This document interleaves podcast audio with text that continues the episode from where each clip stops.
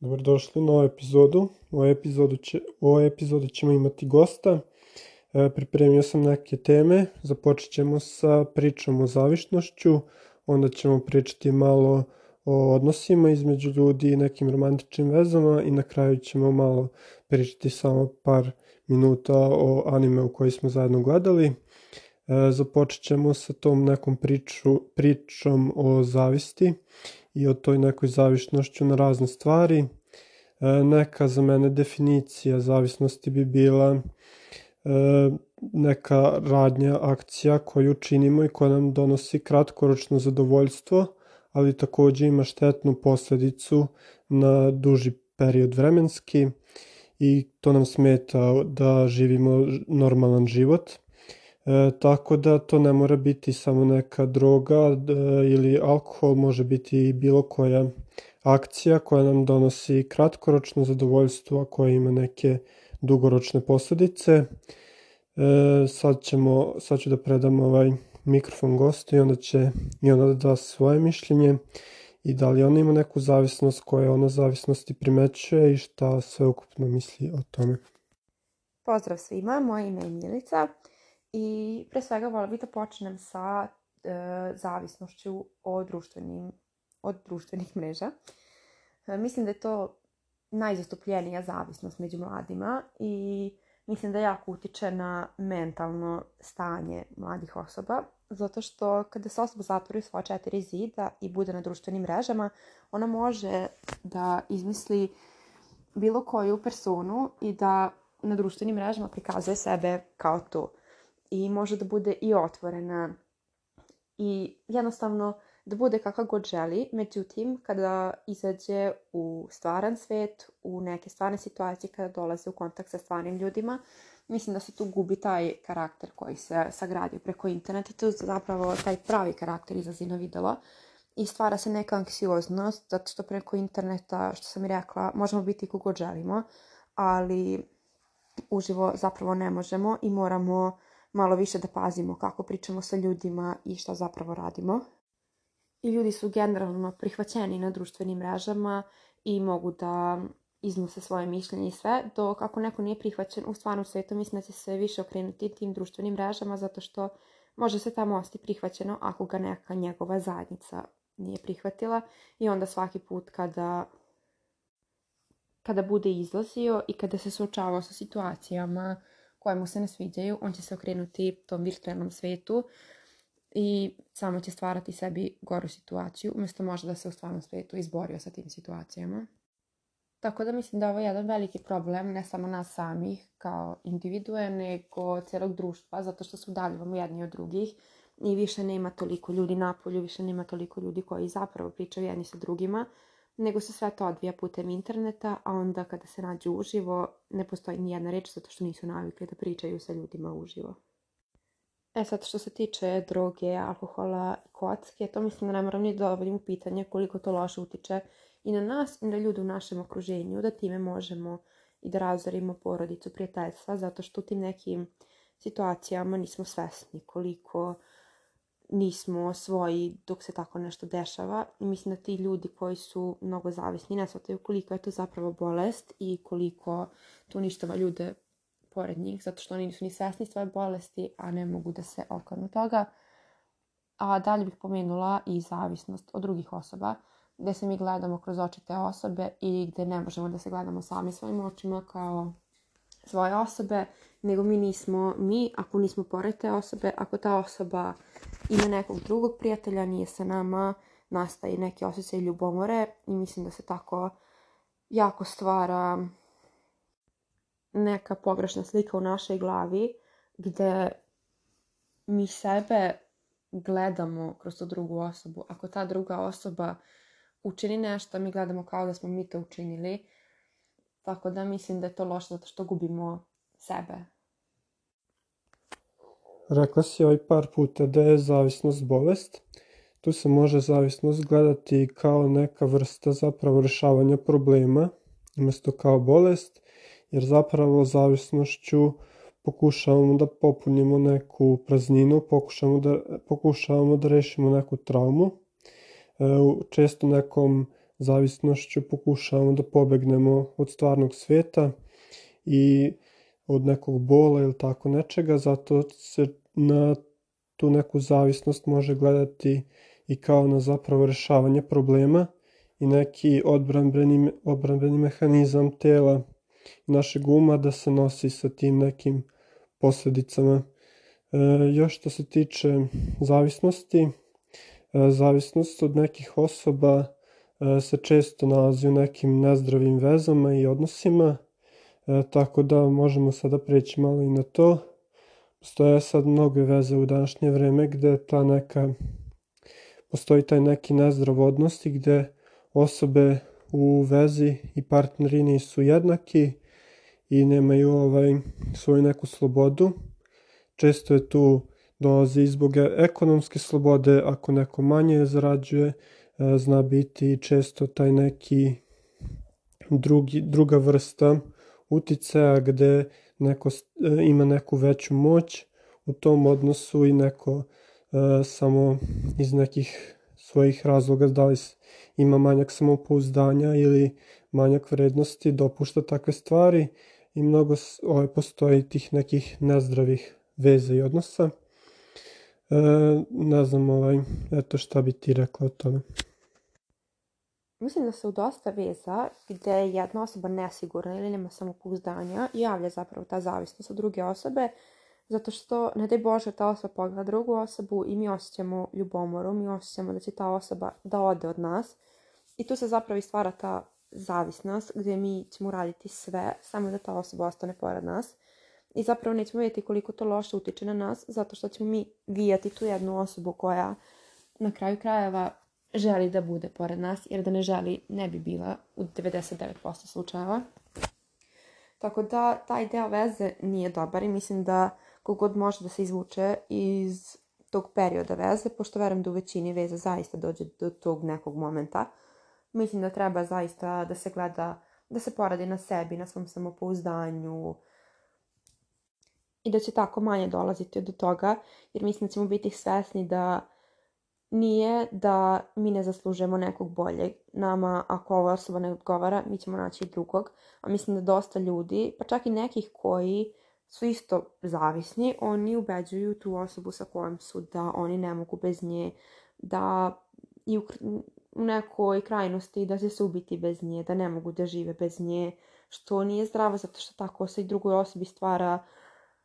osjećaj da ni ne mogu da ostave e, svog partnera zato što ko zna šta će on da uradi, dolazi to te neke nenormalne ljubomore gde neko ne može da izlazi, neko ne može da oblači šta god hoće zato što njemu to njegov partner brani. I to zaista dolazi u neke granice bolesti, jer to ne treba da bude normalna veza, nego normalna veza treba da sadrži i slobodu i govora i izlaženja i nošenja neke bilo kakve garderobe. Mislim da to zaista nema veze sa partnerom. Tako da tu se u vezi može stvoriti zaista jako velika zavisnost od te druge osobe zato što mi mislimo da ne možemo bolje i da je to jedina osoba koja je za nas i ne vidimo neki drugi spektar ljudi. Mi vidimo samo tu osobu i želimo da smo samo pored nje. U tim momentima veza postaje jako toksična i to verovatno vide svi ljudi oko to okolo tih dvoje ljudi, ali mislim da oni to ne vide toliko. Oni to gledaju kao na nešto što je normalno, kao da je tako svakva veza,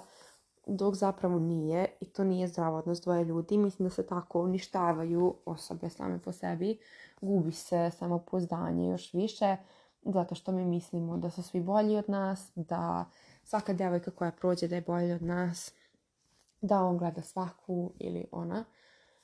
i da samo čekamo moment kada će ta osoba da ode, umjesto da cijenimo svaki moment što je ta osoba ovde. I zapravo sve te zabrane su besmislene, zato što ako neko želi da ode, ako neko želi da te prevari, on to može uraditi i u sred bila dana, ako ode na fakultet ili bilo gde, bilo kako je obučen, zaista mislim da to nema nikakve veze sa izlaženjem ili nečim. Osoba koja je sklona tome uradit će to svakako ne smatram da treba da dolazi do tih nekih zabrana ili do neke sad bolesti u vezi. U svakoj vezi naravno postoji ljubomora i mislim da ona ok, normalna u nekim granicama, ali kada se ta granica pređe, mislim da zaista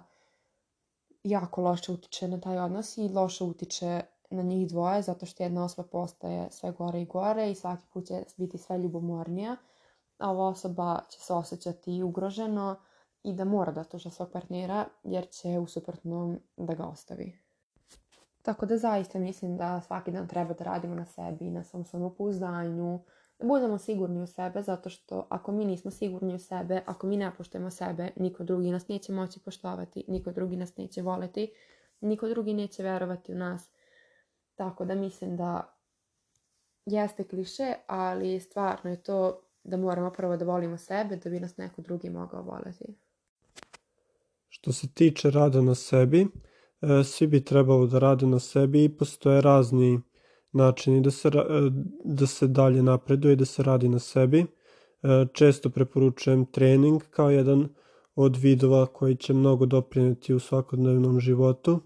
Takođe je dobar, dobar način da se napreduje isto neko čitanje, informisanje. Postoje razni drugi takođe načini E, da se radi na sebi, a jedna od najbitnijih stvari je upoznavanje sebe, e,